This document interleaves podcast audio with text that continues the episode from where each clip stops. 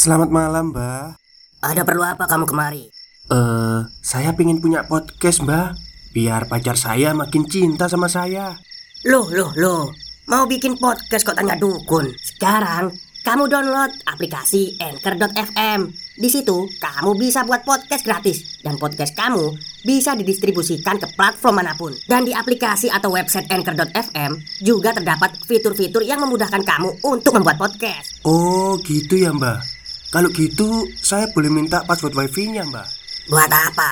Buat download Anchor.fm, Mbak.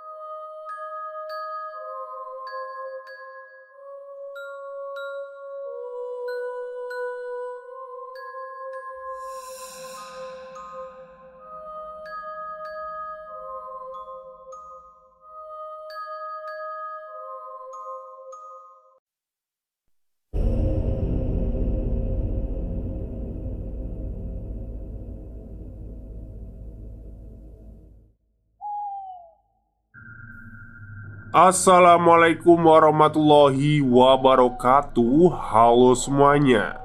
Jumpa lagi dengan saya Chow Sing Sing Kurator dari podcast Horror Night Story. Halo, apa kabar semuanya? Semoga kalian semua sehat-sehat ya. Dan seperti biasanya pada siang hari ini saya kembali Dan akan menghadirkan sebuah kisah mistis untuk kalian semua Kisah mistis kali ini saya datangkan lagi dari treat horornya Omah Suwung Yang menceritakan tentang misteri kamar sebelah dari sebuah kos-kosan. Oke, daripada kita berlama-lama Mari kita simak ceritanya. Ini cerita waktu aku masih SMP kelas 2 aku ngekos bareng kakakku. Kosnya cukup jauh dari sekolahanku. Masih naik angkutan untuk sampai di sekolah. Kebetulan pemilik kos kenal sama orang tuaku. Jadi, kami dapat harga yang murah lah waktu itu. Kosan itu terdiri dari empat kamar dan saling berhadapan.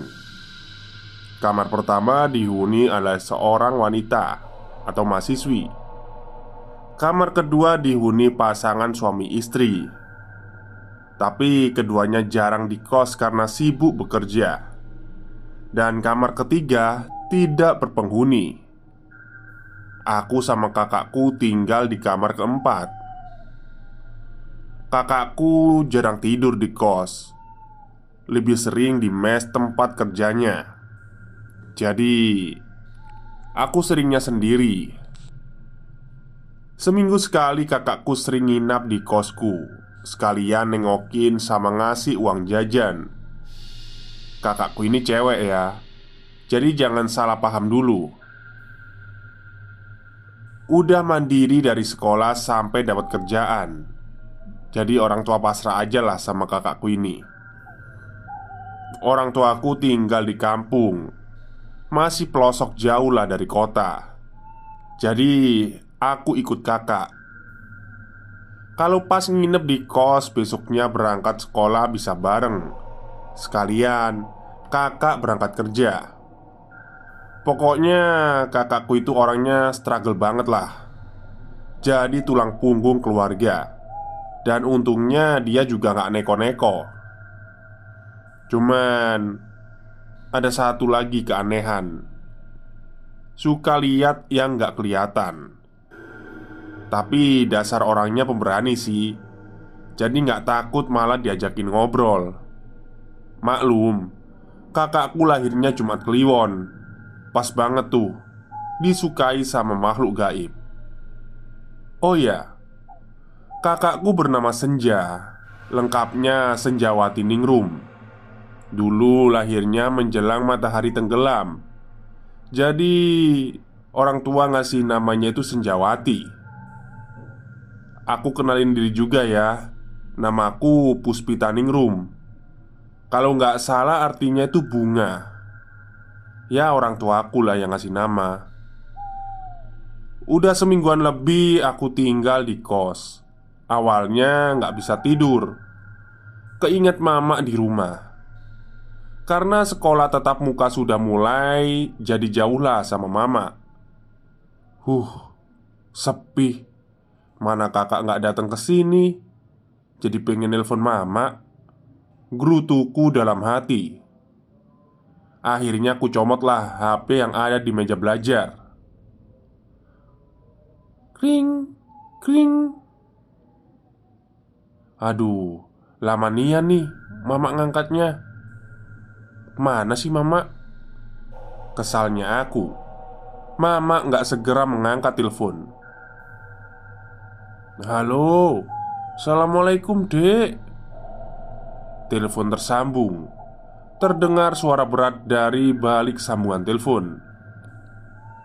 Ih, mama Lama nian ngangkatnya. Lagi apa, mak? Jawabku dengan kesal Tapi seneng deh Dengar suaranya mama Masak? Mama lagi masak, dek Sama siapa dek di kos? Kok mama dengar ada suara rame? Sendirian kok, mak Suara siapa, mak? Gak ada orang di sini, cuma aku sendiri Itu ada yang ketawa-ketawa Kawanmu bukan? Ujar mama mencoba perjelas Apa yang didengarnya Ih, mama ada-ada aja Nakut-nakutin Aku celingukan melihat sekeliling kamar. Tidak ada siapa pun di sana. Waktu masih menunjukkan pukul tujuh malam. Hilir mudik kendaraan juga masih terdengar. Tukang nasi goreng juga masih lewat. Masa apa, Mak? Bapak ke mana, Mak? Tanya aku pada Mama Sengaja aku alihkan obrolan Biar mama nggak nanya yang itu lagi. Jadi takut aja Karena aku sendirian di kos. Mbak Linda Mahasiswa yang kos di kamar pertama lagi pulang kampung. Sementara Mas Pras sama istri yang tinggal di kamar kedua Kalau balik kerja pasti malam banget. Mereka kerja di pabrik yang ada shift malamnya Buju Buneng, sendirilah aku. Gumamku saat itu. Buju Buneng apa dek? Mama tanya lagi dari balik telepon. Aku tercekat dengar suara mama. Lupa kalau masih teleponan. Eh, Boneng, bukan mak. Itu loh, mama masa apa? Kan belum dijawab tadi. Ujarku sembari menahan tawa Karena buju buneng tadi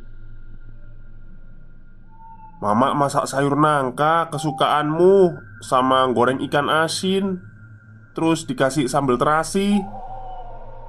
Wah Mama ini ngiming-ngimin aku ya? Kalau bapak ke mana mak?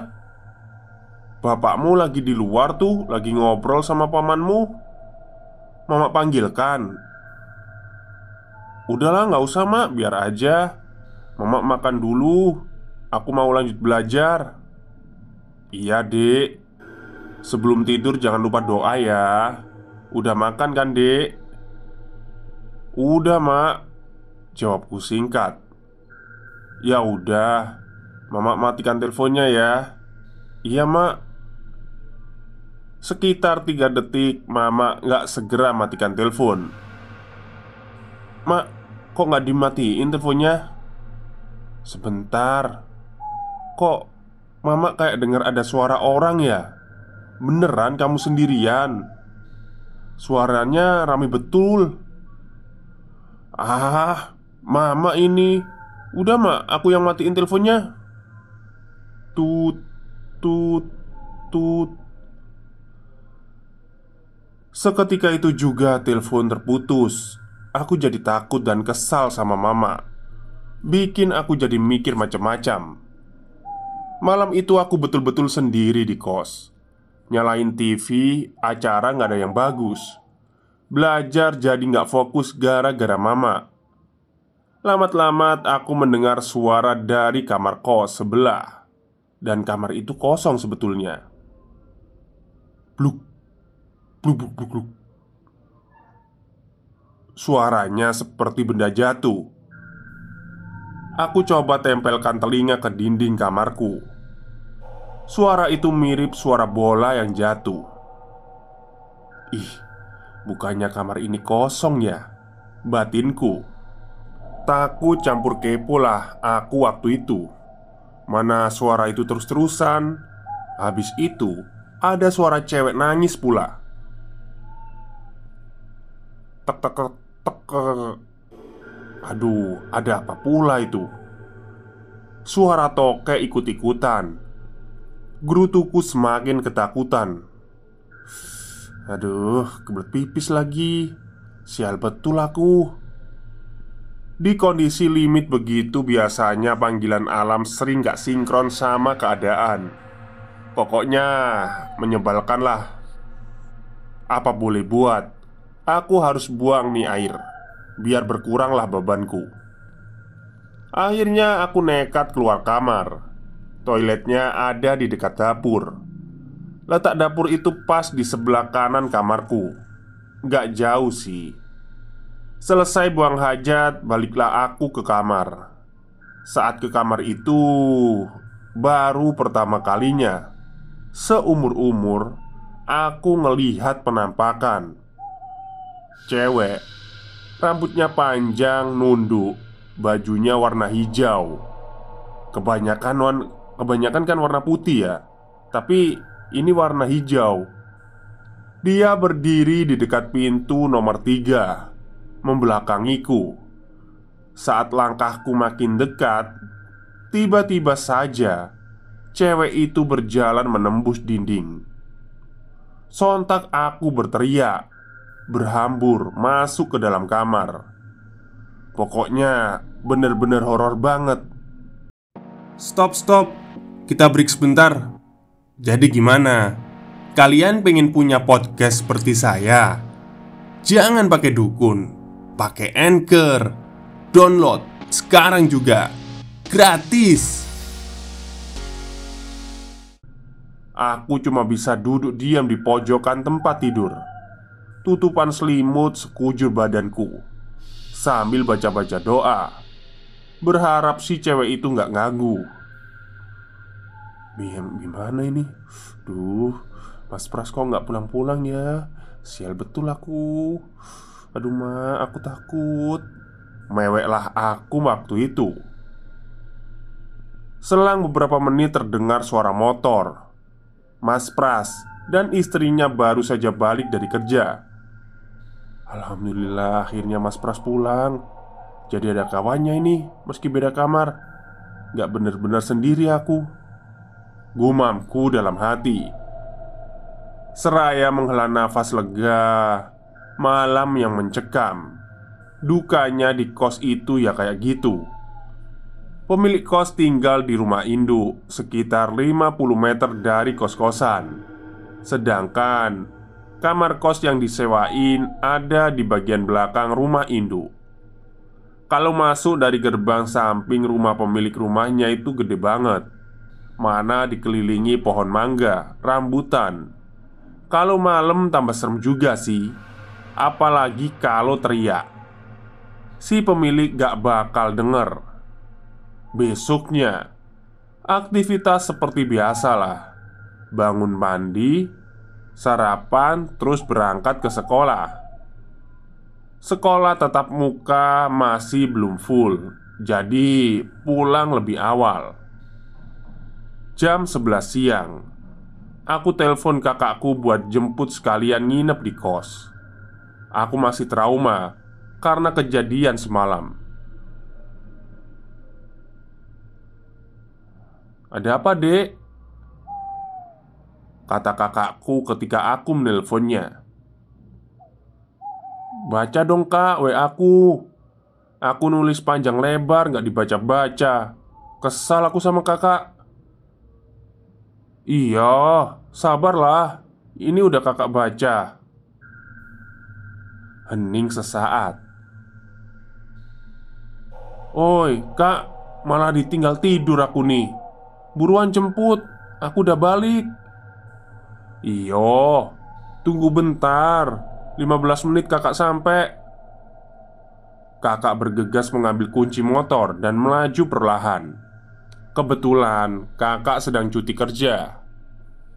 Sesampainya di kos, makan siang lah aku. Udah sekalian dibawain nasbung sama kakakku. Kau lihat apa dek semalam?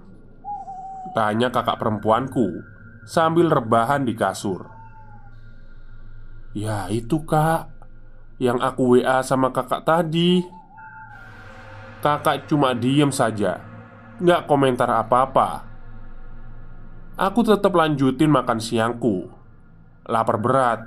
Semalam nahan lapar gara-gara lihat cewek itu. Oh Namanya Rena itu dek Yang kau lihat semalam. Celetuk kakak tiba-tiba Kasihan dia dek. Gak mau ganggu orang.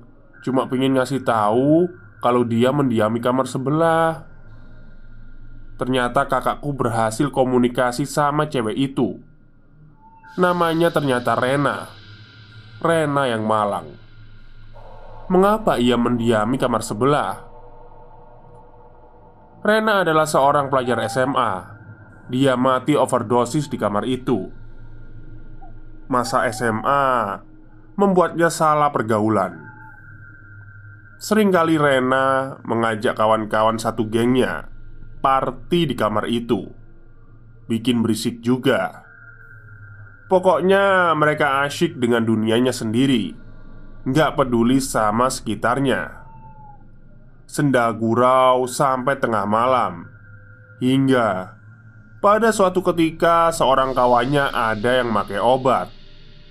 Terjebaklah Rena dalam lingkaran pertemanan yang buruk itu.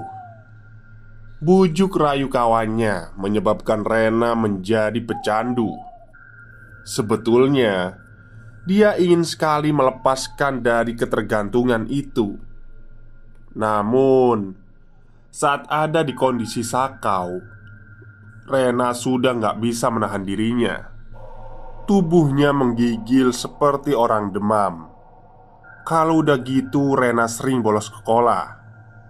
Karena kecanduannya itu juga menyebabkan mentalnya up and down, jauh dari keluarga. Emang banyak godaannya. Harus bisa jaga diri dari segala hal buruk, apalagi milih teman. Salah-salah bisa fatal. Hingga akhirnya Rena ditemukan dalam kondisi sudah meninggal dunia Matanya terbelalak Dengan mulut yang menganga. Setelah kejadian meninggalnya salah satu penghuni kamar Kos itu sempat kosong dan terbengkelai Karena banyak yang memilih pindah kos. Pemilik kos itu akhirnya menjualnya dengan harga yang murah. Akhirnya Dibelilah tanah itu sama kawan orang tuaku yang sekarang ini Semua bangunan diratain sama rak tanah. Dibangun lagi jadi empat kamar. Yang tadinya ada sepuluh kamar Akhirnya cuma dibikin empat kamar. Kawan orang tuaku juga sempat mendatangkan seorang kiai untuk mendoakannya. Mendoakan arwah Rena yang masih penasaran. Penyesalan yang datang terlambat untuknya Apakah Mbak Linda dan Mas Pras juga sering melihat penampakan? Mereka lebih dulu tinggal di kos itu Mbak Linda terhitung enam bulan tinggal di situ Dan Mas Pras beserta istrinya hampir setahun di situ Alasan mereka sih sama karena murah Kamar lumayan lebar dan fasilitas tempat tidur, kamar mandi ada di dalam. Cuma kamarku doang lah. Yang gak ada kamar mandi dalamnya. Karena lebih dekat dari dapur. Jadi gak perlu kamar mandi dalam. Berdasarkan kesaksian Mbak Linda Dia juga sering mendengar suara cewek nangis. Asalnya pasti dari kamar nomor tiga. Tapi beliau tidak begitu menghiraukan Prinsip Mbak Linda bisa dituduh juga sih. Tapi nggak semua orang seberani Mbak Linda. Selama kita nggak ganggu mereka Mereka juga nggak akan ganggu kita Kata Mbak Linda. Suara itu cuma kedengar tiap malam-malam tertentu saja. Sedangkan Menurut Mas Pras dan istri selama tinggal di situ Mereka sering ngedengar ada suara rame Tengah malam dari kamar nomor tiga. Persis seperti mama aku. Waktu aku ngomong di telepon Katanya ada suara rame-rame. Padahal nggak ada siapa-siapa. Tadinya istri Mas Pras sempat minta pindah kos Tapi Mas Pras berusaha meyakinkan istrinya Untuk sering mendoakan mereka yang meninggal penasaran. Insya Allah mereka nggak akan mengganggu Mikirnya Cari kos murah dengan fasilitas lengkap itu susah. Jadi lebih memilih bertahan di situ. Terus gimana dengan aku? Kak, aku mau balik aja lah. Takut aku tinggal di kos ini. Kakak juga jarang nginep di sini. Kak Rena menyudahi obrolan batinnya dengan Rena Yang aku ceritain soal Rena berdasar cerita kakakku saat berkomunikasi dengannya. Singkat cerita, aku pindah kos lah di dekat tempat kerja kakak. Kebetulan ada kos untuk anak sekolah seperti aku yang masih unyu-unyu. Hari Minggu setelah pamit sama pemilik kos Bebereslah kami di kamar. Eh Aku malah ngedenger ada suara. Makasih ya kak Udah nyeritain kisahku Aku menyesal Ya, siapa pun kamu, aku doakan semoga tenang di sana. Al-Fatihah. Oke, itulah cerita singkat dari treat horornya Omah Suwung yang menceritakan tentang penghuni kos yang jadi arwah penasaran gara-gara narkoba ya. Ya mungkin dia dapat narkoba itu dari naga hitam atau laba-laba merah itu ya Yang di film Serigala Terakhir 2 Baik mungkin itu saja untuk malam atau siang hari ini Kurang lebihnya saya mohon maaf. Wassalamualaikum warahmatullahi wabarakatuh.